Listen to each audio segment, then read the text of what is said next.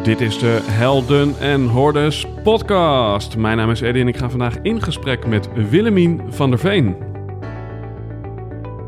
In de zomer van 2016 ontdekten we dat we een schakel waren in een netwerk van mensen die wij Conscious Business Founders zijn gaan noemen. Bijzonder gemotiveerde ondernemers die ergens voor durven te staan. Ook als dat inhoudt dat ze daar alleen voor staan. Die 200% toewijding willen geven voor 1% groei en zeggen: Dit ben ik en dit is mijn bijdrage aan een meer gebalanceerde wereld. Helaas kon je niet bij al deze gesprekken aanwezig zijn. Daarom hebben we die bijzondere verhalen voor je samengebracht in deze podcast.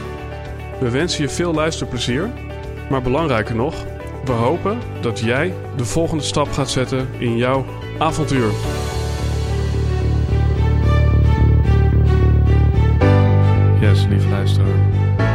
Welkom aan boord. Opnieuw een vrouw aan tafel vandaag. Haar naam is Willemien van der Veen, oftewel Will. Ze is leiderschapscoach en oprichter van Will and the People. En met de Shine Business School hielp ze in de afgelopen drie jaar zo'n duizend vrouwelijke ondernemers van hun straalangst, salesstress en uitstelgedrag af.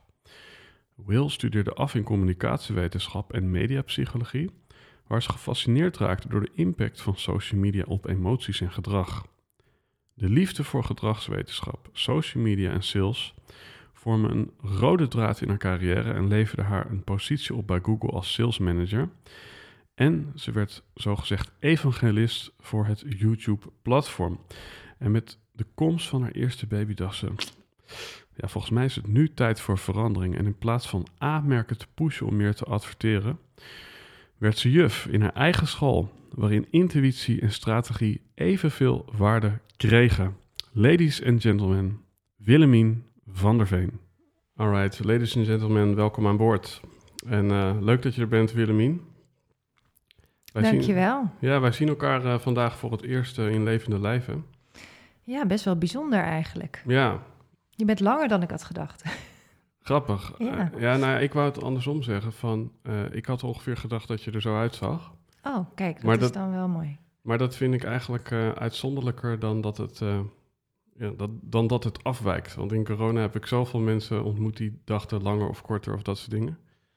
Dus um, ja, uh, niets is wat het lijkt op social media, zouden we meteen kunnen zeggen. ja, bij mij dus wel. ja, bij jou dus wel. ik denk dat de luisteraar daar op zichzelf al veel van kan leren. Dus misschien ehm, ja, zuiver zichtbaar zijn is dan misschien ook wel een mooi onderwerp om in deze podcast te bespreken. En misschien uh, voor diezelfde luisteraar, en misschien ook voor andere luisteraars vooral, die jou nog niet kennen. Wie is Willemien? Misschien kan je een paar piketpaaltjes neerzetten om jezelf voor te stellen. Een paar highlights. Ja, nou, um, iedereen die luistert die mij wel kent, die zal waarschijnlijk ook niet de naam Willemien gebruiken. Dus ik, ik sta meer bekend als Wil. En en dat is ook uh, de naam die ik uiteindelijk heb gebruikt uh, in mijn bedrijf. En um, ja, Willemien uh, is eigenlijk maar gewoon een meisje uit Groningen, uit een piepklein dorpje in Groningen, die um, heel graag naar Amsterdam wilde verhuizen. En um, ja, eigenlijk van oorsprong gewoon heel stil, verlegen, rustig. Maar ik had mijn wereld zat voornamelijk in de, in de boeken. En ik had altijd wel een hele grote fantasie en heel veel nieuwsgierigheid. En um, ja, to, pas toen ik eh, denk ik in het Westen ben gaan wonen, is dat een beetje gemanifesteerd. Mm-hmm. En uh, uh, heb ik mezelf steeds grotere doelen gesteld, steeds meer dingen aangepakt. En uiteindelijk wel heel erg trots op uh, de carrière die ik tot nu toe heb gemaakt en het bedrijf wat ik tot nu toe heb gebouwd. Mm En um, mooie carrière gehad bij Google Nederland. Uh, nu een heel mooi coachingbedrijf. Waarbij we gewoon inmiddels nou, meer dan duizend vrouwen hebben geholpen in de afgelopen drie jaar. Met coachingprogramma's om hun bedrijf op te bouwen. En um, ja, en als ik mezelf, als ik aan mezelf denk, dan denk ik ook voornamelijk aan mezelf als moeder. Dus als ik mezelf zou voorstellen, dan, dan denk ik, dat is wel grappig. In eerste instantie denk ik dan aan mama wil. Ja. Want dat is ook nu op dit moment gewoon een hele grote onderdeel van mijn identiteit. Is dat ik gewoon ook voor een heel groot gedeelte van de dag gewoon moeder ben. Mhm. Mooi. Ja. Wat ehm, zorgde ervoor dat eh, dat stille meisje uit Groningen die boeken las?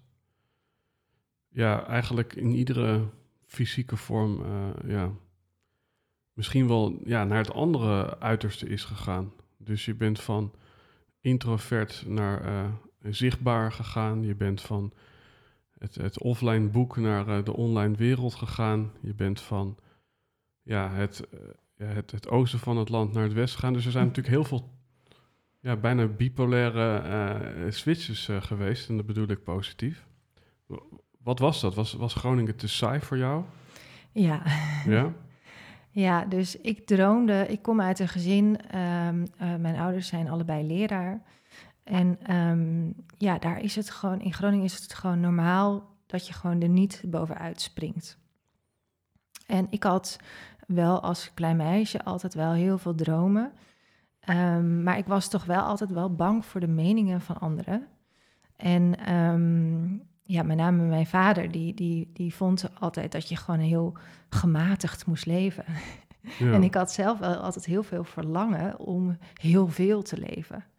Dus ehm, veel eh, te laten zien qua make-up, eh, kleding, eh, mezelf daarin uit te drukken. En, en ik denk dat, dat eigenlijk pas dat, dat tot uiting kwam in een omgeving waarin dat gewaardeerd werd. Dus ik kan me nog zo goed herinneren dat ik, eh, ik woonde toen in Amsterdam eh, op de Nieuwmarkt. Eh, boven die, als je het kent, boven die Chinese supermarkt, had ik een, een, een soort van anti-kraak penthouse. En ik zat midden in de stad. En Ja. opeens was daar gewoon vrijheid. Opeens waren er andere mensen die gewoon anders dachten, die, die, die andere opvattingen hadden. En daarin is het gewoon heel erg gecultiveerd, mijn nieuwsgierigheid, mijn drang om, om daarin ook gezien te worden. De drang om, om iets neer te zetten. En ehm, eh, ook door de juiste vrienden om me heen, die daar ook mee bezig waren, kon dat eh, tot uiting komen. En daarvoor wist ik niet eens dat het mogelijk was. Mhm. En wat dat betreft is denk ik het ook heel belangrijk wat voor mensen je om je heen heb- hebt verzameld, die dat kunnen eh, versterken of ontluiken. Ja, het mooie is, de slogan is, er gaat niets boven Groningen. Eh, Ja. Maar eh, jij ging er bij, bij wijze van spreken aan ten onder.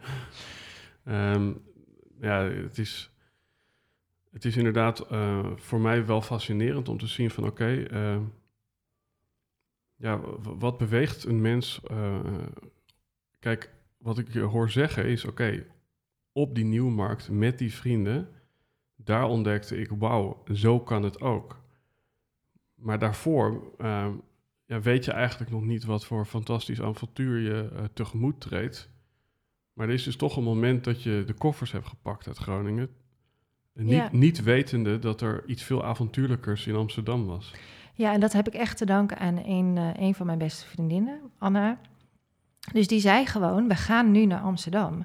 En ik droomde daar al jaren over. En ik, eh, ik wilde heel graag modeontwerper worden.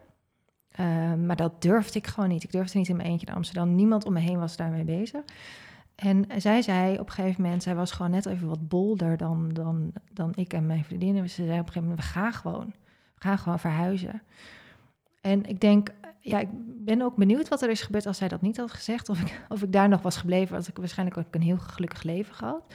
Maar dat was denk ik wel voor mij de eerste keer dat ik dacht, oké, nu ga ik gewoon springen. En dat heeft zo goed uitgepakt dat ik gewoon toen elke keer maar weer die springplank heb genomen. Bij alles, het solliciteren bij Google, waar 1, miljoen mensen per jaar solliciteren.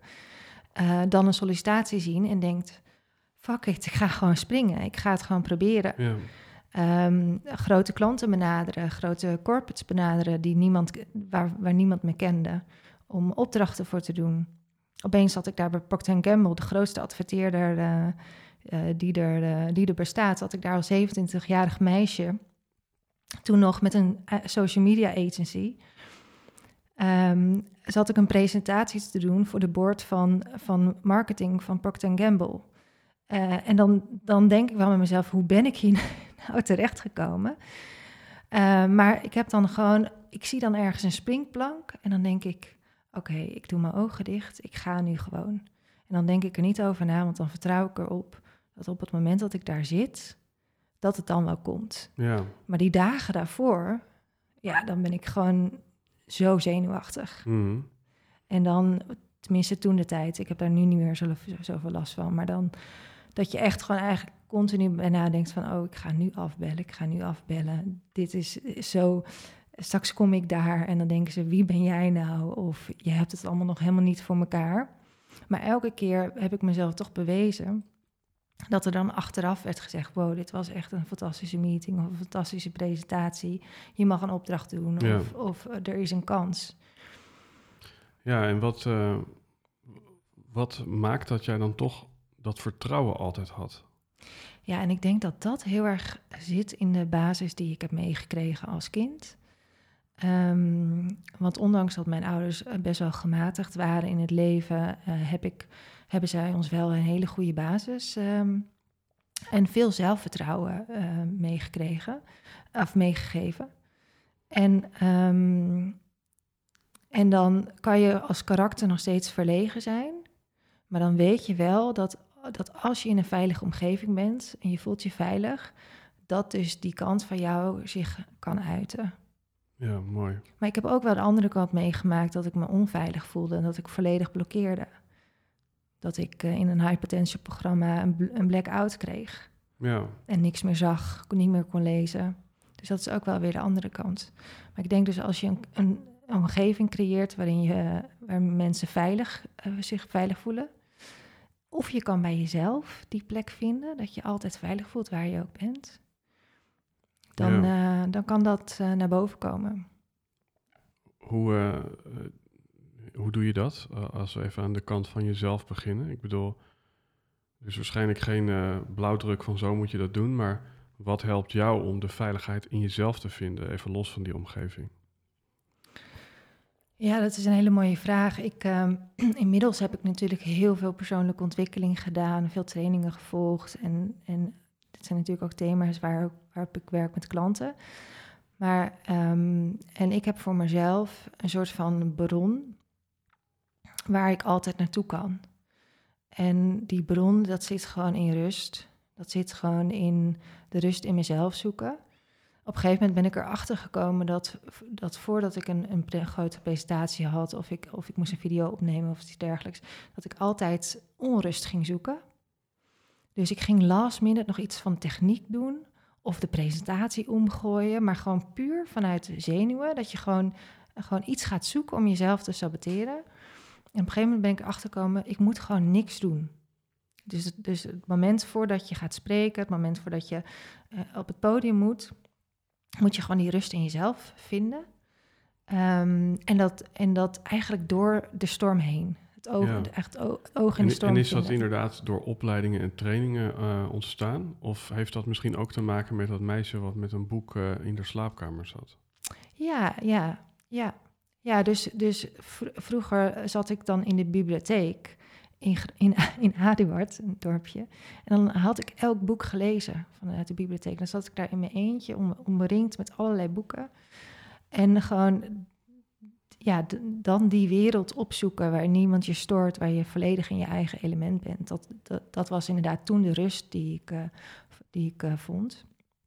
Ook de rust die ik vond in, het, in, de, in verhalen. Ehm, en dan wist ik dan als ik dan op het podium moet of eh, als ik iets spannends moet doen, dan vind ik ook de rust in het verhaal. Dus als het verhaal begint, dan, dan komt de rust wel over mij. Ja, dus dan eigenlijk eh, het verhaal wat je zo vertelt op dat moment. Ja, dus als er Ja. een vraag wordt gesteld. Of, Ja, Ja. ja. dus Ja. Dan, de, dan is het als het ware het, het verhaal leidt jou in plaats van dat jij ja, ja. het presentatie moet leiden. Ja, en het verhaal is ook vaak groter dan jezelf. En dat probeer ik mezelf ook altijd ehm, eh, voor te stellen. Het gaat niet zozeer om mij. Het gaat om een verhaal wat ik vertel, wat anderen kan inspireren. En eh, het is groter dan mijzelf. En daarmee haal je ook een beetje de spotlight van jezelf af. Mhm. Of ik kies de, het perspectief van, van iemand, eh, bijvoorbeeld mijn klant. Dus ik, ik probeer niet me op mezelf te focussen, Maar hoe kan iemand die nu aan het luisteren is, hoe kan iemand die nu in deze podcast uh, aan het luisteren is, hoe kan die uh, hier inspiratie uithalen? Ja. Of iets in herkennen? Ja, daar zit dus ook een stukje dienstbaarheid in. Ja. Um, hè, heel veel ondernemers die struggelen met wie is mijn doelgroep. Dat is misschien wel even een wat specifiekere vraag, maar hoe weet je als ondernemer nou, um, ja, moet ik nou luisteren naar datgene waar ik zelf heel erg in geloof en waar ik op aanga? Of moet ik nou heel erg intunen op wat ik denk dat mijn ja, ideale doelgroep wil? Ja, allebei. Ja. Um, en hoe ik het altijd bekijk is, er is een, eigenlijk een bepaalde manier waarop iemand iets graag verkocht wil hebben aan hemzelf. Dus klanten hebben een soort van allergie, uh, uh, of consumenten hebben een allergie van hoe iets verkocht wordt aan hun.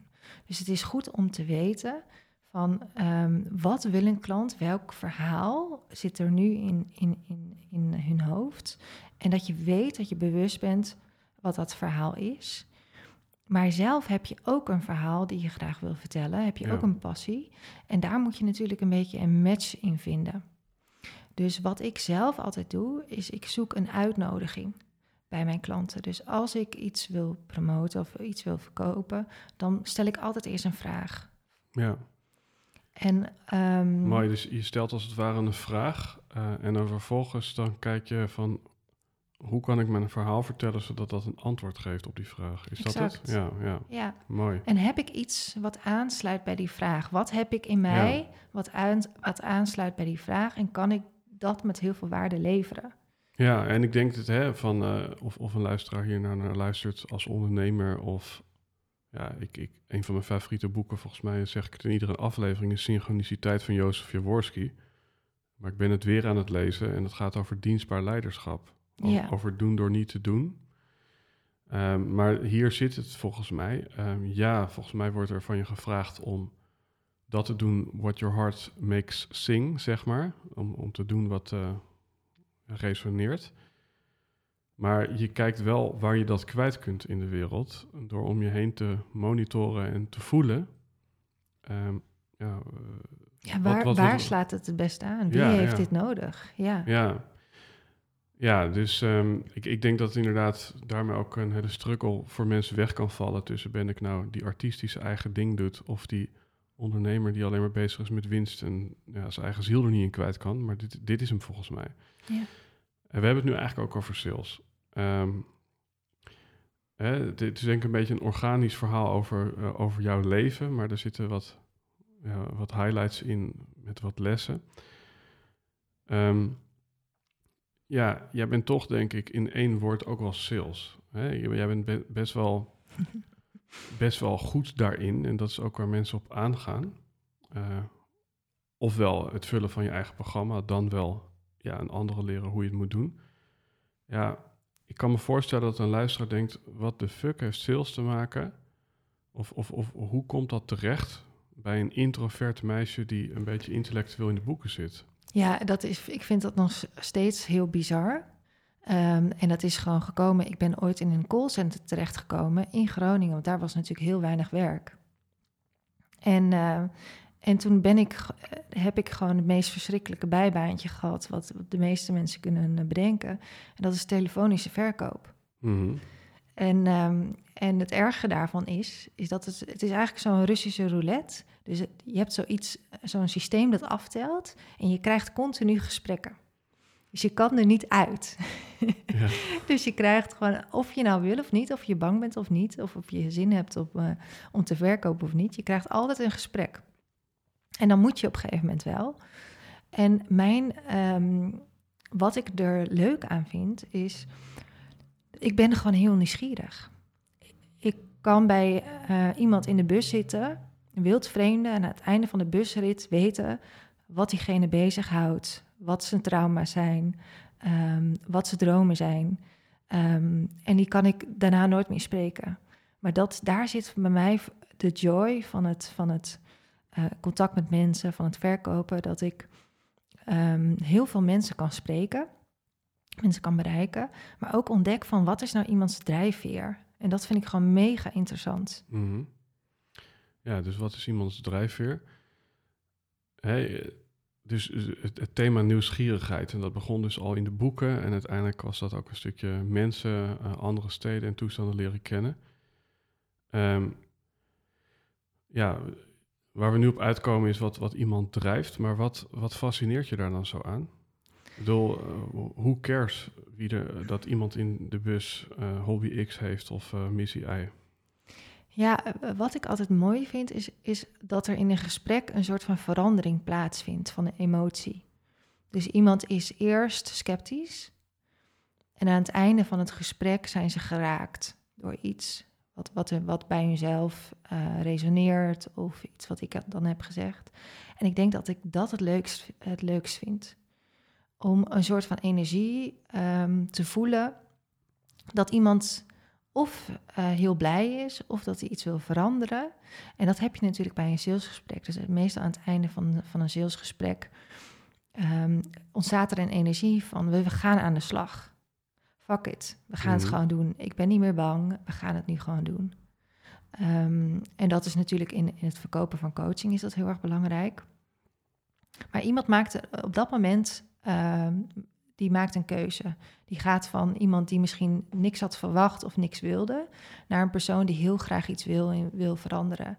En dat, die transformatie vind ik altijd gewoon heel erg interessant. Ik dat moet- kan in een korte tijd al gebeuren. Ja, ik moet een beetje denken aan dat vriendinnetje die zei: We gaan gewoon naar Amsterdam. Ja, Dus blijkbaar had ze iets in jou geraakt, ehm, ja, waardoor jij het leven weer aanging. exact. Ja, En dat soort momentjes, als je dat kan creëren, ehm, dat geeft gewoon heel veel voldoening. Mhm. Dat je iemand die ehm, energie kan geven. ja. En dan moet je natuurlijk ook leveren met je product en, ehm, en met je diensten. Eh, maar als je daar met een goede intentie achter staat, dan gebeurt dat ook. Wat, wat ook wel, hè, we hebben, dat is ook een beetje hoe ik ben hoor, maar ik heb een aantal tegenstellingen met je neergezet. Een andere tegenstelling is eh, uiterlijk en mode. Eh, ja, wat, wat een wereld is waar je direct een beeld bij hebt. Ja, Versus ehm, een softwarebedrijf zoals Google of nou ja, waar je ook allemaal gewerkt hebt. Dus hoe, hoe verhoudt zo'n beetje nerderige, ja, rationele wereld zich tot ja, de emotionele wereld van het uiterlijk en de mode? ja ik vind dat is wel echt een mooie tegenstelling. Want, want eh, dat is denk ik ook een tegenstelling die in mij heel erg zit. Want ik ben heel erg technisch. Ik kan website bouwen, ik, eh, ik kan internet hacken. en dat is wat heel weinig mensen van mij weten. Maar toen ik dus net in Amsterdam kwam wonen, al toen ik 24 was, ik ben inmiddels al voor de luisteraars bijna 39. Maar dan kon ik gewoon mijn eigen netwerk maken en, en, eh, en wifi hacken. En ehm, mijn vader is heel technisch. En die heeft wij hadden als eerste van het dorp hadden wij een computer. En wat ik en eigenlijk zit in techniek weer die nieuwsgierigheid van van je kan opeens met techniek iets bouwen wat niet bestond. Dus die vernieuwing, die innovatie, dat vind ik, vind ik mega interessant. Ja, En eh, tegelijkertijd ehm, ehm, kun je natuurlijk ook heel veel ja, mooie esthetische producten maken. Maar toen ik bij Google terecht kwam, was alles eigenlijk aan de achterkant helemaal niet zo mooi. En een zootje. Dus, eh, dus dat is ook wel weer een soort van tegenstelling van eh, data kan ook gewoon heel veel troep zijn. ja. Ja, en ehm, ik moet even denken aan Steve Jobs. Die eh, maakte ooit de computer open van eh, Steve Wozniak, zijn compagnon. En die zegt, ja, maar dat ziet er toch niet uit? Nee, dat. En, en toen zei Steve Wozniak, ja, maar eh, het werkt toch? En dan Ja, zegt hij, ja, nee, maar dat wordt, dat wordt gewoon voelbaar aan de buitenkant... als het van binnen niet mooi is. Ja, ja, klopt. Is, is dat ook een, een aim van jou? dat, dat buiten- en binnenkant allebei gestructureerd en harmonisch zijn? Ja, ja, ja, ik moet eerlijk zeggen, ja, ik, ben niet, ik ben zelf niet zo heel erg bezig met eh, buitenkant en uiterlijk. Dus eh, dat, dat zou je niet zeggen als je mijn Instagram-feed eh, ziet. Maar voor mij is inhoud is ontzettend belangrijk. Maar ik vind het wel ehm, eh, zeker bij mijn doelgroep passen. dat het esthetisch plaatje, ehm, dat dat klopt met hun verlangen. Ja. En dat dat iets, een bepaalde emotie opwekt bij iemand. Dus mijn foto's, er zitten altijd, daar zit altijd wel een vorm van emotie in. Dus daar brief ik ook de fotografen uh, op. Dus ik wil eigenlijk iets echt laten zien. Ja. Ja, dus uh, iets echts, een emotie. Um, in het voorgesprek hebben we het ook over emotie gehad. Hè? Uh, daarin zei je iets, ja, misschien kan je het zelf verhalen, maar dat een emotie altijd gekoppeld was aan. Ja, dus, dus um, er kunnen de dingen in je leven gebeuren die um, heel veel impact hebben gemaakt. Trauma, maar ook uh, mooie dingen. En op het moment dat je zo'n impactvolle um, gebeurtenis in je leven, dat er een heftige emotie bij komt, dan, dan onthoud je het voor de rest van je leven. Dus als je een enorme emotie hebt gevoeld op een bepaald moment, dan onthoud je alles in detail. Ja. En als je dat weet, dan kan je dus alles wat je doet, kan je verbinden met emotie. In beeld, in tekst, in je masterclasses om klanten aan te trekken, in je programma's. Um, als je dat weet, dan weet je gewoon um, wat een, iemand nodig heeft om op dat moment te onthouden wat jij, uh, wat jij wil vertellen. Ja. Ja, en in die zin komt het daar dus allemaal op neer. Of het nou de mode is of uh, het gesprek in de bus. Ja. En jouw nieuwsgierigheid voor technologie, heeft dat ook nog iets met emotie te maken? Nou ja, ik, dus ik, ik denk dat ik altijd um, een beetje een soort van combinatie ben. Dus iemand die gewoon heel graag kletst en praat. En iemand die gewoon heel graag in zijn eentje dingen uitpluist. Mm -hmm. En als je mijn uh, partner vraagt hoe ik er soms bij zit, die kan zich niet voorstellen dat ik soms tot, tot diep in de nacht kan bezig zijn met iets uitzoeken, wat dan technisch niet goed werkt. En ik vind dat dus heel erg leuk om te doen. Um, en dat is een soort van creativiteit, denk ik. Dus dat je heel graag iets wil, um, iets wil maken, uh, wat dan opeens werkt. Ja. En voor mij zit dat in, in, de, in de techniek, omdat ik dan, um, omdat ik de, dat zo abstract vind, dat ik dat moeilijk vind te begrijpen. Dus dat is voor mij een grote, grote uitdaging. Dus ik kan Mhm. natuurlijk ook knutselen, maar daar ben ik niet zo goed in, met mijn kinderen. Dus ik vind het leuk om dan websites te bouwen, funnels te bouwen, automatiseringen te bouwen, alles aan elkaar te knopen en dan opeens zien dat dat werkt. Mhm. Ik vind dat een soort van, het is een beetje Willy Wortel van vroeger, Ja, zo'n uitvinder. ja ik, ik, ik, ik, ik ken de euforie wel hoor. Van, eh, ik heb vroeger dingen in ActionScript gemaakt en eh, HTML en eh, CSS. En... Ja, dat doe ik ook nog steeds. Ja, nou ja, goed. Het, het, het, eh, ja, het is een soort van de code kraken en dat geeft gewoon een soort eh, endorfine. Ja, dat is het eigenlijk. Ja, Ik doe het overigens, nu besteed ik alles uit, maar nog steeds vind ik dat interessant. Ja. ja. Het is ook wel een interessant, hè? Je besteedt nu alles uit. Je hebt ook ergens gezegd minder werken. Ehm, ja, hoe verhoudt dat uitbesteden en minder werken zich tot, ja, toch ook wel een specialist blijken te zijn in iemand die graag zelf aan de knoppen draait? Ja, nou, dit is echt een thema waar, waar ik natuurlijk heel hard op moest groeien toen ik eh, zelfstandig werd. Want ja, je bent altijd heb voor mooie bedrijven gewerkt, dan is alles in principe geregeld. En opeens eh, word je ondernemer en zijn er zoveel dingen die je moet doen. Ehm, en je kan alles goed, maar ja, is het nou echt datgene wa- wat ervoor zorgt dat je cash maakt, dat je klanten krijgt? En dat is gewoon op het moment dat je ondernemer bent en je bent dienstverlener, de eerste 100.000 eh, eh, euro omzet per jaar, ben je eigenlijk gewoon alleen maar bezig met sales als je, als je goed je werk doet. Met sales en marketing. Dus zo'n website bouwen, dat is dan heel erg leuk. Ehm, en misschien heel erg veel voldoening als je dat s'avonds nog eh, gaat doen. Maar dat draagt natuurlijk niet bij aan het, eh, aan het groeien van je bedrijf. En ik probeer het altijd zo voor te stellen aan klanten dat ehm, er is een, een bepaalde activiteit in je bedrijf. Dat kan je een beetje vergelijken als een koninginnenbij die eitjes legt. Dus het produceren van iets, wat het dan Mhm. ook is. In mijn geval is het produceren van transformationele programma's. En alles moet wijken eigenlijk, zodat jij dat kan doen. Ja. Dus mijn, mijn team, mijn VA's, ik heb er inmiddels meerdere, die, dat zijn in principe de werkbijen die ervoor zorgen dat ik de ruimte en vooral ook de energie en creativiteit overhoud om dat te produceren. Ja. En ik was altijd best wel verslaafd aan e-mail. En ik heb bewust, voordat ik überhaupt dat kon betalen, heb ik gezegd van ik wil iemand die mijn e-mail uh, van mij overneemt, omdat het me dat weerhoudt om content te maken bijvoorbeeld.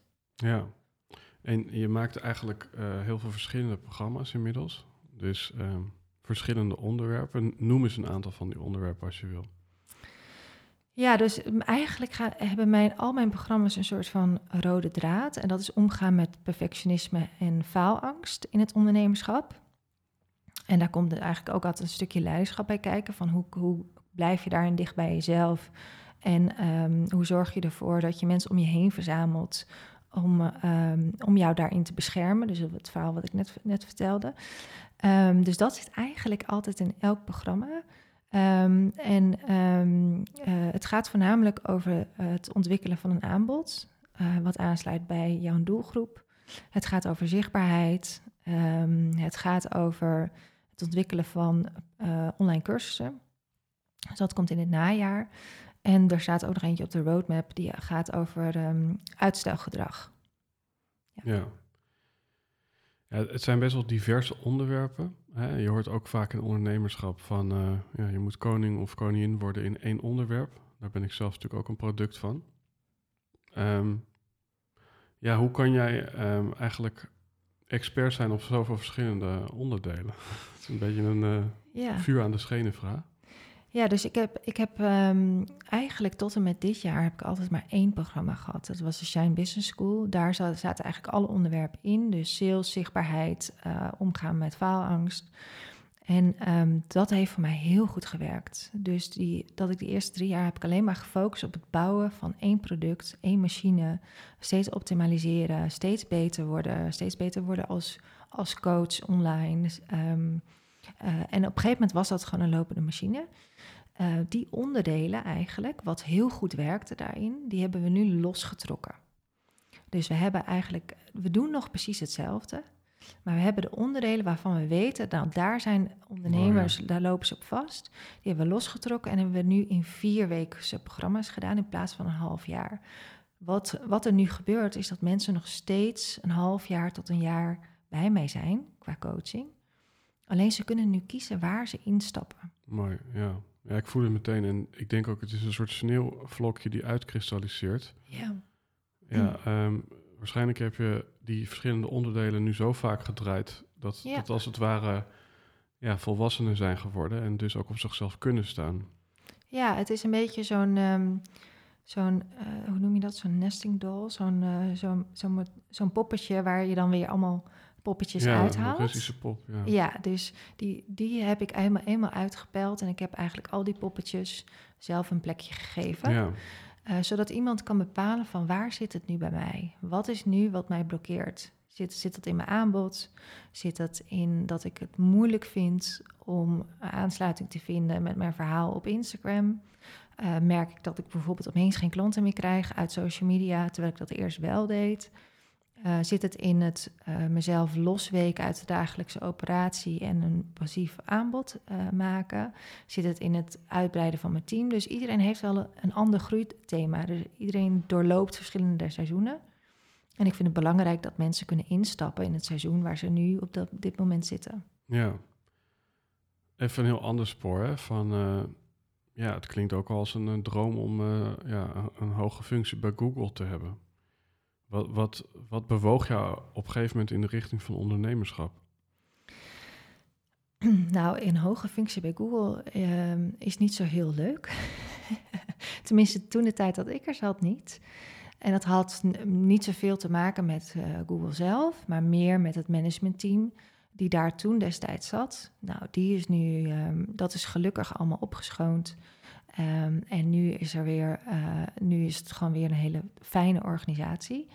Dus, eh, en dat, dat vind ik soms wel heel erg jammer om te horen. Ik heb toevallig gisteren weer een mailtje gekregen van iemand die bij ook een hele mooie organisatie zat. Opeens kan er iets veranderen in een relatie, een manager die verandert, waardoor een, een groep niet meer werkt, waardoor een team niet meer werkt. En dat was dus destijds ook gebeurd. Dus dat team dat viel uit elkaar, dat werkte niet dat meer. Dat klinkt bijna als heimwee dit. Ja, dat heb ik ook soms. Ik zit nog steeds in een, uh, een ehm, WhatsApp-groep met oude uh, medewerkers. Uh, dus ze noemen dat alle zoeklers, dus alumni-googlers.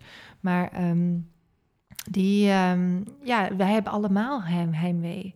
Want het was, denk ik, de meest fantastische werkgever die je maar kan bedenken. De druk is ook groot. Uh, iedereen heeft last van het imposter syndroom, want er zitten de slimste mensen ter wereld, zijn je collega's. Nou, ga dan maar eens een keer een presentatie geven. Ja, ja, ja. maar, maar, maar is de heimwee dan dat je misschien nu minder klankbord hebt om ja, eh, met high achievers of uh, grote denkers ja, ja, omringd te zijn? Ja, maar die omring ik nu zelf wel om me heen. Dus ik, uh, ik, ik heb zelf altijd elk jaar uh, sowieso een nieuwe mastermind groep die ik zelf verzamel. Dus ik omring ze nu wel om me heen.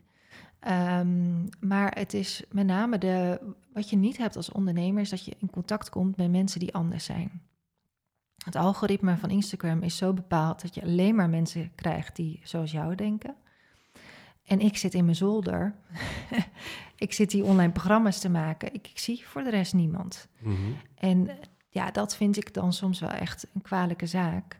Dat ik, um, en dat was natuurlijk bij zo'n organisatie uh, wel zo, dat je mensen over de hele wereld komen op jouw kantoor. Je reist heel veel. Je krijgt verschillende dingen mee. Je ziet ook in de data heel veel verschillende dingen wat er in de, in de wereld gebeurt.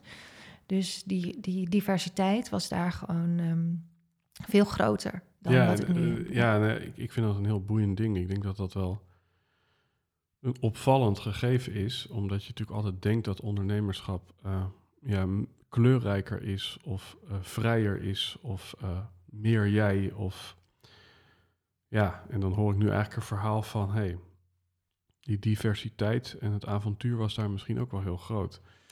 Ja, en, en, maar dat is ook een beetje de melancholie hoe je terugkijkt. Hè? Dus in het ja. begin keek ik absoluut niet zo terug, maar dan na een paar jaar, dan kijk je terug op zo'n periode dat je denkt, jeetje, oh, wat kan ik dit nu nog missen? Uh, al was het alleen maar het uh, ontbijtbuffet. Maar um, um, ja, dus de omgeving, de mensen, de sfeer, de, de innovatie, dat kan ik wel missen, ja. Ja. Bepaalde is, is dat iets niet. wat je als een soort bypass probeert te creëren in je huidige onderneming of in je leven?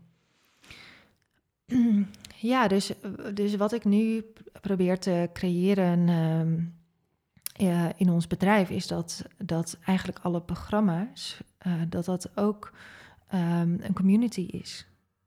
Dus het is, als je bij mij in een programma komt, um, dan uh, ben je absoluut niet alleen. En dan vind je gewoon heel veel support bij mensen die um, ook op een goede manier feedback kunnen geven, op een goede manier kunnen helpen. Dus dat zijn hele positieve omgevingen, hele positieve communities. En dat is eigenlijk mijn team. Ja. En dat, is, dat zie ik eigenlijk nog meer uh, als mijn team dan de mensen met wie ik nu werk, de freelancers met wie ik nu werk. Dus eigenlijk voor elk, elk programma creëer ik een team. En ik ben daarin zelf ook heel kwetsbaar. Ik deel zelf ook heel veel dingen waar ik dan op dat moment mee struggle. Ja. En samen zijn we dan vier weken lang, zijn we elkaars team. Mooi, ja. En is het ook iets waar je dan bewust naar, naar zoekt om even ja, in het metaforische, of uit het e-, metaforische algoritme te treden? Dus doe jij iets in je leven om ja, niet alleen maar uh, vrouwelijke, uh, modieuze, uh, gevoelige onderneemsters te ontmoeten? Nou, dat is wel mooi, want er zit uh, in mijn uh, programma Show Up zat een oefening die ik zelf had gemaakt voor de, voor de cursisten. Um, die ik toen zelf ging doen. En toen kwam ik zelf op een uh, stichting die ik heel graag uh, wilde gaan opzetten. En dat is een stichting um, voor inderdaad mensen in, in andere wijken met andere middelen. Vrouwen wel weer voornamelijk, omdat dat gewoon mijn doelgroep is. Om die te helpen om een bedrijf op te zetten in hun eigen community. Dus dat was opeens een, iets wat naar boven kwam tijdens die oefening. Dat ik dacht, oh, maar dat is echt een wens. Ja. En, eh, en daar gaan we dit, dit jaar naar kijken hoe we dat eh, kunnen realiseren. Mocht er iemand zijn die luisteren en die denken van oh, ik heb daar ervaring in, laat je horen. Mooi, ja, kijk. Tot nu toe zie ik ook een soort van in jouw levensloop. Weet je wel, je bent in Groningen met iedereen heeft bij wijze van spreken schoenmaat 42 en gaat op zondag naar de kerk. Ja, Ja, dan komt toch een soort kleurrijkheid, ehm, ja, ook eh, in Amsterdam. Ehm, maar ja, voor je het weet heb je weer het schoenmaat 42 Groningen door het algoritme van Instagram. En ja, vraagt dat dus constant soort van waakzaam of wakker te zijn om... eh, ja, ja, ja dat is het. Je Ja. moet daar heel, heel regelmatig uitstappen. Ja, Ja, in, in hoeverre, eh, eh, welke dingen eh, doe jij of, of zitten er in jouw leven waarin je eigenlijk even vreemd gaat van, van de tunnelvisie? Dus vreemd gaat, hè? misschien heb je een focusbox waar je telefoon in stopt, ik noem maar wat. ja ik zet mijn tele- telefoon op vliegtuigstand als ik, ehm, als ik moet focussen. Ik, eh, de meeste mensen om me heen die kunnen mij nooit bereiken, want ik, ik, zit, eh, ik ben gewoon heel slecht bereikbaar op mijn telefoon. Ehm, ik plan wel eh detoxdagen. Eh wij, gaan, we hebben een plaats op Camping Bakken. Daar heb je geen bereik. Dat is fantastisch. Ja, En dan ben je daar gewoon met de vossen en de, en, de, en de konijntjes. En, ehm, ehm, maar ik moet wel zeggen, ik vind het wel... eh, dus we hadden het in het introgesprekje erover, over... ehm, eh, hoe noemde je het? Het was een soort van dopamine. ja eh, een, een dooppressie. Een dooppressie, ja. Ja, dus ik, ik merk zelf dat, dat, dat ik ook, hoe, hoeveel opleidingen en cursussen ik daarvoor heb gevolgd, maar dat ik ook niet immuun ben om, om in die rabbit hole te vallen. Dus dat Mhm. gebeurt mij natuurlijk ook gewoon heel vaak. En daar baal ik dan heel erg van. En dan, dan wil ik, eh, maak ik natuurlijk weer een voornemen van morgen gaan we, gaan we dit niet doen. Mhm. Maar je hebt altijd van die zwakke momenten dat je, er, dat je erin gaat.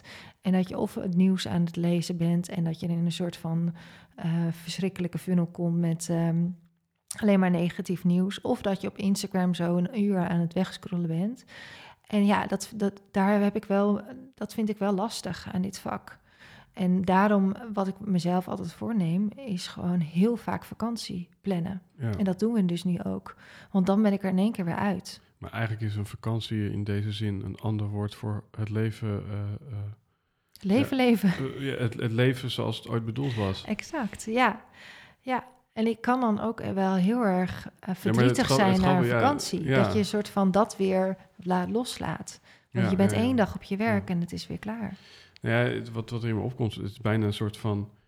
Wat jij nu beschrijft als vakantie... dat was wat je thuis deed vroeger als je geen vakantie had. Exact, Ja, ja, exact. ehm, dus die definitie is wel interessant. Ehm, wat ik ook wel eh, boeiend vind, is... misschien eh, heb je die helder paraat of niet... maar ja, wat, zijn eigenlijk jouw, jouw kernwaarden in ondernemerschap? Ja, die, eh, die staan op de website. Dus die moet ik, moet ik paraat hebben. Maar in principe is dat altijd creativiteit. Dus die staat op nummer één. Vrijheid. Dus ehm, mensen om me heen moeten het, het gevoel hebben dat ze altijd alles kunnen zeggen, alles kunnen doen en hun eigen pad kunnen volgen. Ehm, en er zit toch wel een, ja, ook een bepaalde ehm, ja, nieuwsgierigheid of innovatie altijd in onze, onze producten, onze diensten. Dus ik wil met alles ook wel gewoon blijven vernieuwen. Ja, En, ehm, want ja, je wordt natuurlijk op een gegeven moment ook wel gekopieerd. De mensen die denken, oh ja, de- dat is wel een interessante doelgroep die Willemine heeft. Creatieve ondernemers. Ehm, en die nemen natuurlijk dezelfde ehm, mensen in dienst. Die kijken wat voor freelancers je hebt. Die gaan eigenlijk een beetje proberen om, om het systeem eh, te gebruiken. Dus daarvoor moet ik altijd eh, blijven veranderen. Ik moet altijd bezig blijven om te vernieuwen. Ehm, en dat is ook wat ik, wat ik in mijn programma stop. Dus ik, ik, ik, maak de content niet één keer en dan staat het er en dan is het af. Dus ik ben ook continu aan het optimaliseren van kunnen, is er iets nieuws wat in het programma hoort? Kan er een nieuw template in? Kan er een nieuw design over? Kan er, hoort er nu iets bij in deze tijdgeest waardoor het actueel ehm, wordt? Dus mensen denken vaak, oh, we nemen een programma op, doen we dat met een videograaf, hele mooie locatie en dan staat het voor drie jaar. Mhm. Maar zo werkt het niet. Nee. Ehm, je moet dat continu blijven, blijven uh, updaten. Dus innovatie is voor ons heel belangrijk. Is er iets wat, uh, wat niet steeds innoveert? Of, uh, ja, de doelgroep. Ja. Die innoveert niet. Dus dat is dezelfde. Ja, dus dan aan het begin van het gesprek, dus de ander. Ja. Kan je het ook andersom zeggen? Van we hadden toen over je eigen boodschap en de behoeften van de ander. Dus wat, ja, is er ook een stuk in jou wat niet verandert? Um, nou, uiteindelijk is het denk ik um, de rust dat altijd er, is. En als dat er niet is, dan is er iets mis. Dan, dan voel ik dat ook. Dus ik heb uh, onlangs een beslissing gemaakt om een grote lancering niet te doen. Uh, omdat ik daar heel veel onrust omheen voelde. En, uh, en dan kan het nog zo'n goed idee zijn. Dan kan het nog zo slim zijn. Dan kan het nog zo handig zijn om e-mailadressen te verzamelen. Maar als ik het niet voel, dan gaat het ook niet gebeuren. Nee. En als ik iets wel voel, als ik iets wil, ja, dan kan ik echt tot het uiterste gaan. Maar als het niet, als het niet goed voelt, ik moet altijd die berusting voelen van, van dit is mijn pad. Heb je die rust altijd gehad? Ja. Ja? Ja, ja. Daarom heet mijn podcast Waar een wil is, is een weg. Ja. ik, uh, ik ga altijd voor wat ik wil. Ja. ja. Ik weet gewoon altijd heel duidelijk wat ik wil. En als ik het dus niet weet, dan weet ik dat het niet goed met me gaat. Dus dat is ook wel makkelijk. Ja. Mooi. Hè, want ik, ik vraag om rust en je hebt het over een wil. Ja. Dus op een of andere manier koppel je die twee begrippen aan elkaar. Wat heeft dat met elkaar te maken? Als je weet wat je wil, heb je pas rust. Ja? Ja. Ja. Het kan ook onrust geven, of niet? Hè? Ik, ik, stel me even voor, ik wil de Mount Everest beklimmen. Nou, volgens mij komt er dan ook heel veel onrust. Um, ja, um, van hoe ga je het aanpakken? Dus de, maar dan als je een plan maakt, dan kan die, kan, tenminste dat is altijd hoe ik het uh, aanpak. Als ik weet, ik weet dat ik iets wil, maar ik maak ook een strategisch plan. Ja. Waardoor die onrust uh, minder wordt. Dus ik ervaar dat niet zo als onrust. Um, en als ik weet wat ik wil, dan maakt niet uit links of rechtsom. We gaan er gewoon komen. Ja. En weten wat je wil. Uh, Richard Alet zegt in uh, stilte ontstaan de antwoorden. Ja. Heb jij, uh, kan het echt at random zeg maar in je opkomen, een idee? Of, of, of, of is er ook een staat van zijn mm. voor nodig? Of inderdaad zo'n vakantie tussen de vossen? Uh, ja, als ik, uh, en dat vind ik altijd zo gemeen van creativiteit. Als ik vrij ben, dan stroomt het natuurlijk. En dan neem mm. ik ook altijd een notitieboekje mee. Of, uh, um, dus het komt bij mij vaak onder de douche. als ik aan het sporten ben, um, als ik aan het wandelen ben of als ik met de kinderen ben. Mm -hmm. en, en dan krijg je een soort van download. En dan denk je, dit is het. En, uh, en, soms komt het niet. En dan komt het pas een half uur voordat je, iets, uh, voordat je een presentatie hebt of iets gaat doen. Maar ik weet wel altijd dat het komt ergens.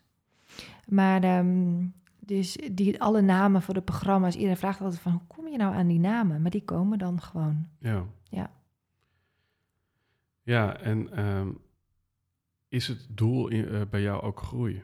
Hè? Dus ik bedoel, ik weet ook dat je soms ze zeggen never change a winning team, maar uh, bij jou is dat niet helemaal waar.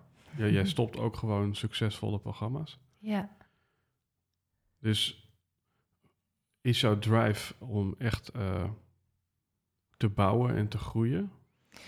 Ja ik, denk, ja, ik denk dat dat voor iedereen geldt om te groeien. Want als je niet groeit, dan, um, ja, dan ga je dood. Als je een plant, ik zit nu een plantje voor mijn neus, maar als we die geen water geven, die wil gewoon groeien. Ja. Uh, alles in de, op deze wereld wil groeien. Ja. Um, en um, en ik, ik scha maar er zijn heel veel mensen die, um, die zich daarvoor schamen of die denken van nou moet dat nou zo groot? Maar groei, groei heeft vaak de, de, de associatie met meer. Ja, ja en, en, en, ehm, en dat heb ik dus niet, dat ik continu meer wil ehm, in mijn bedrijf. Dus daar ben ik wel heel erg bewust van. eh, dat ik, dat ik eh, niet zozeer dingen doe om meer omzet te krijgen. En als ik dat dus voel, zoals met dit programma wat ik dus onlangs heb gecanceld. eh, als, het, als ik voel dat er heel veel ego omheen zit van ik wil gewoon laten zien dat ik dit kan, dan laat ik hem los. Dan stop ik het. Ja, Daar ben ik dan heel bewust van. Dus in dit geval was het een programma waarvan ik dacht van oké, dat is handig, want ik wil gewoon zoveel e-mailadressen. Maar, maar dat is dan niet de, de, de brandstof die zo'n programma van, succesvol maakt. Het is niet de juiste brandstof. Het is niet de juiste voeding om te groeien. ik heb een eh, wijze oom in mijn podcast gehad. Die heeft ook wel eens gezegd van in het leven gaat het niet om leren, maar om afleren. Ja, mooi. Hoe, eh, hè, en, en groei heeft dus ook te maken met herfst. Op een gegeven moment vallen die blaadjes naar beneden. En, en dan is groei eigenlijk een soort cyclus van vallen en opstaan. Ja. In hoeverre eh, ja, doe jij aan verwijderen in je leven? Of loslaten? Ja, heel veel. Eh, nou, ik, ik heb mijn zoontje is nu tien maanden. Maar ik heb, eh, voordat, eh, voordat hij geboren was, heb ik echt een seizoen gehad van loslaten. Van meerdere jaren. Dus wij wilden heel graag zwanger worden voor de tweede keer. Nou, de eerste keer was al, was al heel erg moeilijk. Veel hormoonbehandelingen gehad. Nou, bij die tweede heb ik een anderhalf jaar eh, naar het ziekenhuis geweest. Elke week ehm, of elke dag spuiten. elke week naar het ziekenhuis twee keer. Ja, dat heeft natuurlijk een enorme impact gehad op wat ik kon doen in mijn bedrijf. Dus daar moest ik gewoon bewust dingen voor loslaten. eh, zodat ik eh, ook mijn ambitie, mijn groeiambitie voor loslaten, eh, zodat ik daar ruimte voor kon maken. Maar de grap is dat uiteindelijk, door dingen los te laten, was ik alleen maar harder aan het groeien. Ja, je hebt als het ware niet meer die zware rugzak die je overal naartoe moet slepen. Nee, en ik maakte gewoon andere keuzes. Ik, dus ik maakte keuzes waar ik zelf niet altijd fysiek meer bij hoefde te zijn, omdat ik dacht, ja, maar straks ben ik zwanger. Ja, Eh, ik kan zomaar morgen zwanger zijn en dan ben ik er niet meer bij. Dus, dus mijn keuzes veranderen gewoon heel erg. En als je eigenlijk altijd dat soort keuzes maakt als ondernemer, van wat nou als ik er morgen niet meer ben? Wie gaat dan mijn, mijn, de kart trekken? Ja, dan kan je bedrijf natuurlijk ook zelfstandiger worden. ja. Maar in dit geval was het dus, ja, waarin het voor sommigen zo zal klinken als een gezin of moederschap, ja, is eigenlijk een, een concurrent van mijn onderneming, maar was het bij jou juist de katalysator? Ja, Ja, Ja, en ik heb natuurlijk heel veel vrouwen in mijn programma's die dus zwanger worden en in paniek raken. Van we hebben zo'n mooi plan liggen, waar kan dat nog wel? En dan probeer ik ze ook altijd gerust te stellen na die twaalf weken, wanneer de angst voorbij is. Dat is gewoon hormoon, via je hormonen bepaald dat je gewoon angstig wordt in de eerste twaalf weken. Als die angst voorbij is, dan hoop ik ze ook altijd mee te geven dat dit een kans is om het bedrijf anders in te richten. ja. En eigenlijk gebeurt dat ook altijd. Komen ze er, er heel anders uit. Met meer leiderschap en een, eh, een betere bedrijfsstructuur. Ja, hoe, hoe is het lezen van twee boeken per week, want dat weet ik van je uit het vorige Ja. eh, hoe eh, valt dat samen met het, le- het leven is in plaats van leren afleren en in plaats van toevoegen loslaten? Ja, dus dat is natuurlijk heel erg ehm, eh, meer. Dus meer willen leren, Ja. en meer willen consumeren. En, ehm, ehm, en bij mij werkt het lezen van boeken heel erg eh, op de creativiteit. Dus ik lees iets en ik krijg een soort van inspiratie op een ander vlak. Bijvoorbeeld iets voor een cursus of iets dergelijks. Dus, ik, dus het is een soort van springplank voor creativiteit voor mij. Dus daarom lees ik heel veel boeken, omdat ik dan een ander perspectief op de zaak krijg. En zijn dat boeken die eh, vakgerelateerd zijn of hoeft dat helemaal niet? Nee, dat hoeft niet. Dat hoeft niet. Dus eh, ik, ik hou gewoon van boeken die, ehm, die of me raken met mooie verhalen, of, ehm, of die echt een, een bepaalde eh, visie hebben over hoe je bedrijf in, eh, inricht. Ehm, maar in principe probeer ik gewoon alles. Ik lees ook altijd alles uit. Ik laat me ook gewoon verrassen. Dus ik heb een e-reader en ik kijk gewoon van, joh, wat is er nu aan de hand? En eh, ik kan ook gewoon hele onbekende boeken lezen en daar iets uithalen. Lees je iets nieuws of lees je vooral, zie je wel, zo, zo dacht ik er ook over? Uh, nee, ik zie overal iets nieuws in. En ik lees ook heel vaak dezelfde boeken weer. En dan zie ik weer iets nieuws. Oh, wauw. Ja. Ja, ik vind het toch wel bijzonder. Van, ehm, ja, ik heb altijd de overtuiging in me gedragen van... een boek is eigenlijk vooral een soort spiegel. Ja. Uh, dus um, ja, ik, ik lees nu dus nog een keer dat boek waar ik net over had. En dan zie ik... Oh ja, die man die ging ook journalen uh, toen die Dark Knight of the Soul inging. Oh ja, zie je wel. Oh ja, de dialoog met zichzelf. Ja, ja. En dat is heel fijn om eigenlijk te herkennen dat hij het proces hetzelfde aanvliegt. Zeker omdat je weet dat dit verhaal heel goed afloopt. Ja, um, ja dat je er steun in... in uh, ja, maar voor, mij is, voor mij is het echt reflectie lezen. Ja. ja. Nee, voor mij is het inspiratie, creativiteit. Ja. Dus ik merk dan dat ik, dat ik ergens anders dan ruimte voel om, om anders te denken. Wie, wie zou je zijn zonder uh, alles wat je schept? Dat is misschien een hele filosofische vraag, maar... Oh ja, dat vind ik een hele mooie vraag. Um, ja, dan hoop ik dat ik gewoon iemand ben um, die iemand gewoon net eventjes op een dag een complimentje kan geven of een bepaalde energie kan geven, waardoor diegene zich weer goed voelt over zichzelf. En dat kan al zijn iemand bij de kassa of, uh, of een vriendin. Um, dan hoop ik dat ik een persoon ben uh, die net eventjes iemand uh, een hart om de riem steekt. Dat zou ik heel mooi vinden als mensen zo over mij denken. Ja. Wat in het klein misschien ook weer iets scheppen is, hè? Ja. Maar het is, het is iets teruggeven.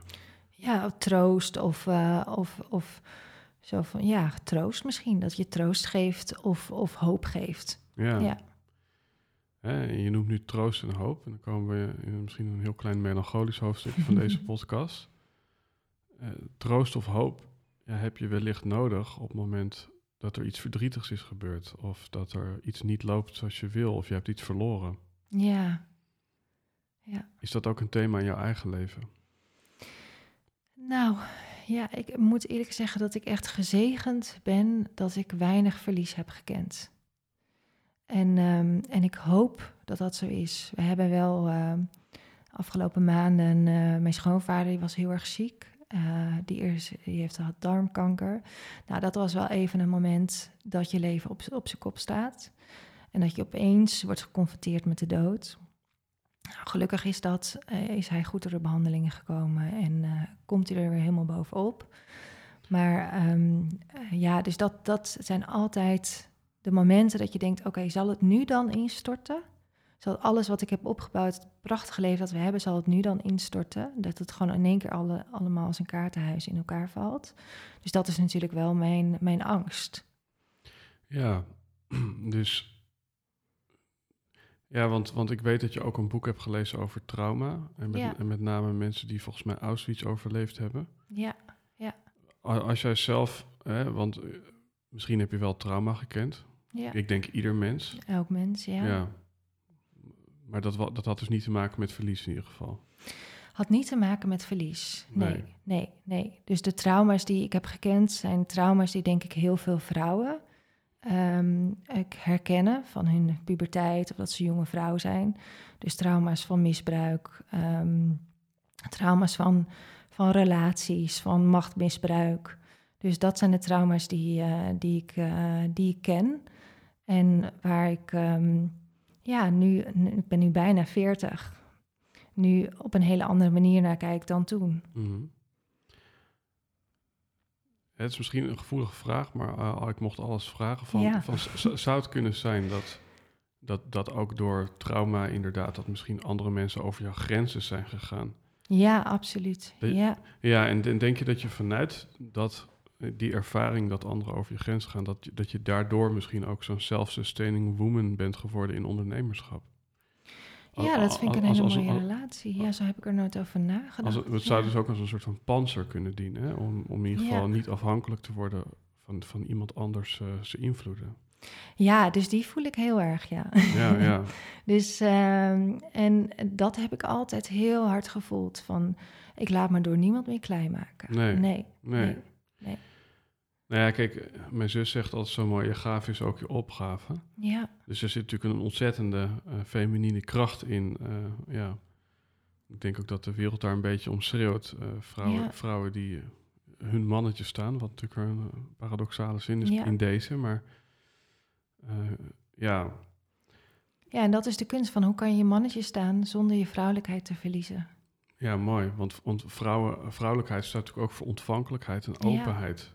Ja, En, en, en, en, en ergens denk ik dat de cirkel dan bijna ook eh, een beetje rond is van... er is dus iets wat in jou dat panzer is en eigenlijk die autonome kracht. En tegelijkertijd ja, is, is het op het oog, is, is jouw hele Instagram en jouw hele business staat ook voor femininiteit, ja, openheid, eh, emotie, kwetsbaarheid. En ik, misschien dat daar ook wel je, je, je, je kwaliteit eh, uitspreekt. Dat je als het ware ja, de, de gulden middenweg eh, bent tussen, tussen zacht en hard. ja en, en, en dat is wel, wel mooi dat, dat je dat zegt, want ik hoor dat de afgelopen periode heel vaak. En dat is dus de kracht om dat dus als een gulden middenweg te zien en niet als een zwakte. Want ik heb heel lang gedacht dat je een bepaalde kant moet zijn. Mhm. En, ehm, en ik hoop dat, dat ik dat dan mag zijn, kan laten zien, van dat het allebei kan. Ja, ja. Dat je niet hoeft te kiezen. ja, en dan komen we ook eigenlijk bij je slogan uit van krachtiger staan, lichter bewegen. Ja, die ik dan dankzij jou heb gevonden. Waar ik heel blij mee ben. Ja, en eh, we hebben denk ik... ehm, misschien is dat ook mooi om, om, om daar nog even kort naartoe te gaan van... eh, wat zou je vrouwen eh, ja, willen vertellen die het gevoel hebben dat ze niet krachtig staan? Dan zou ik ze willen vertellen dat eigenlijk door de beweging, ehm, door, de, door hun emoties eh, juist te gebruiken, ehm, door hun nieuwsgierigheid, hun zachtheid te gebruiken, dat ze daardoor op een plek vanzelf komen. Dat hoef je niet te force- forceren.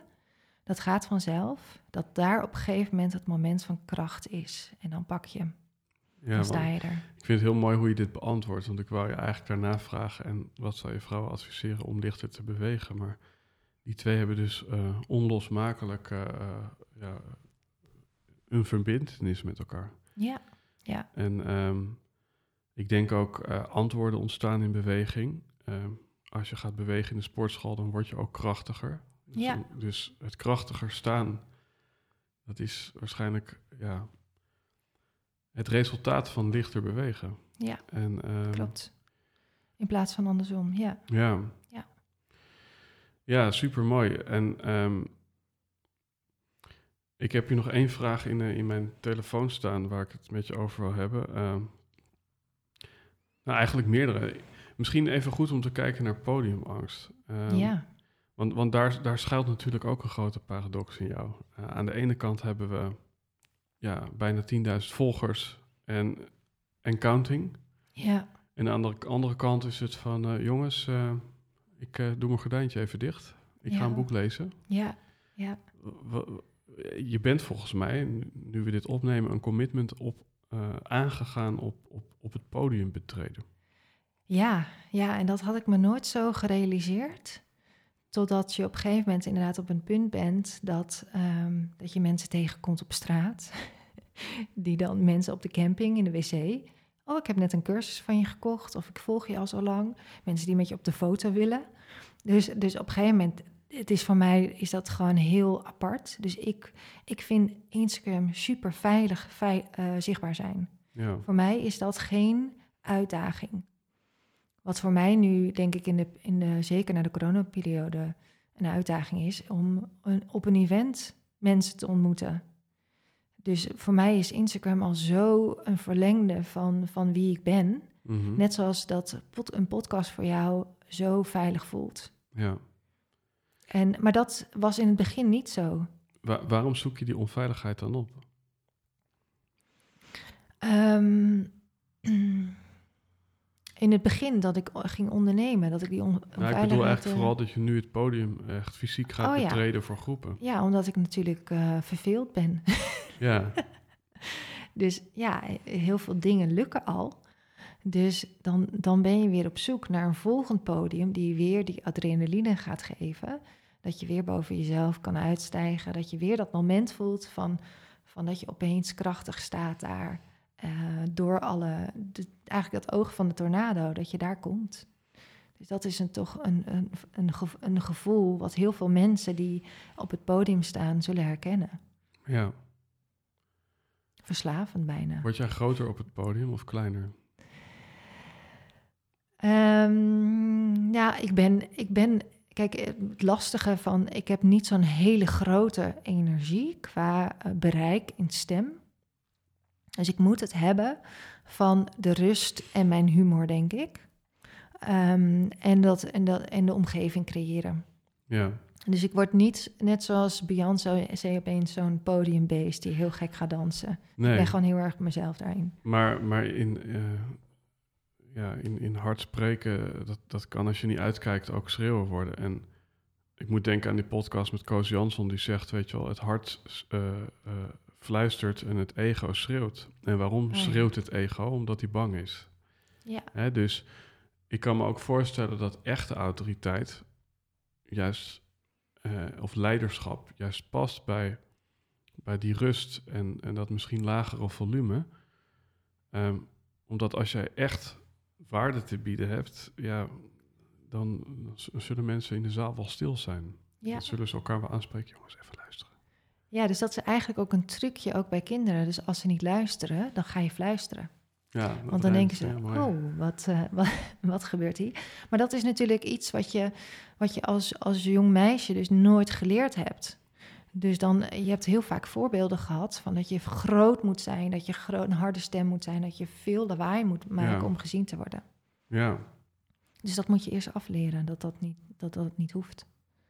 Nee, en dat heeft misschien ook weer alles te maken met vertrouwen. Want als je het gevoel hebt dat je echt waarde te bieden hebt, ja. Ja, dan hoef je jezelf niet te overschreeuwen. nee, klopt.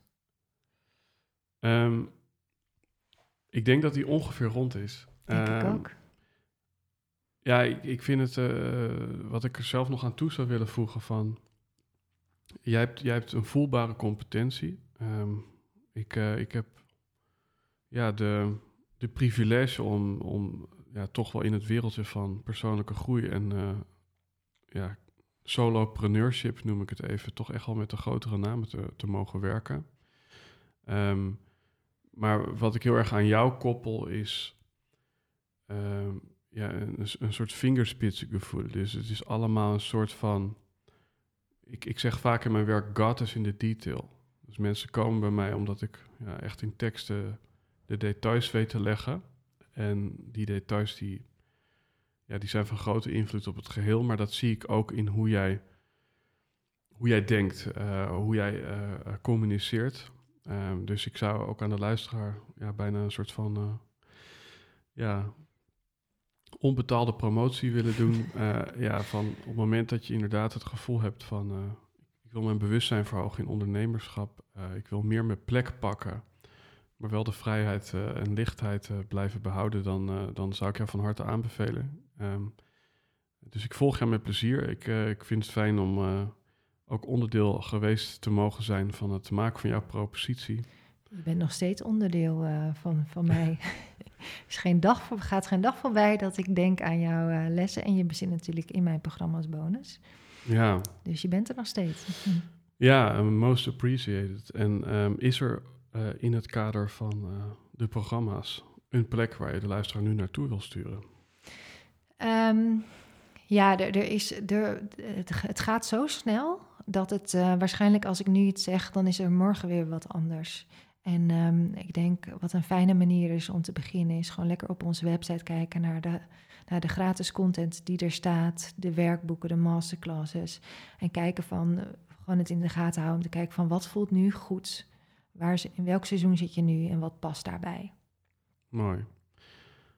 Last but not least, een oude vraag die ik weer eventjes eh, opnieuw ingooi. als uh, mensen onderweg zijn, uh, in de trein zitten en op hun smartphone kijken en jij zou een mooie wallpaper met een quote mogen maken. Of mensen staan in de file en er staat een billboard langs de weg. Is er misschien iets wat je onlangs gelezen hebt of ja, een soort van lijfspreuk die je jezelf misschien af en toe als een soort van prayer influistert, die je aan de luisteraar wil meegeven? Ja, hij, hij, is wel een beetje afgezaagd, maar het is toch altijd de quote van Marianne Williamson van de inauguratiespeech van uh, Nelson Mandela. En ik moet hem eventjes weer, um, eventjes weer naar boven halen.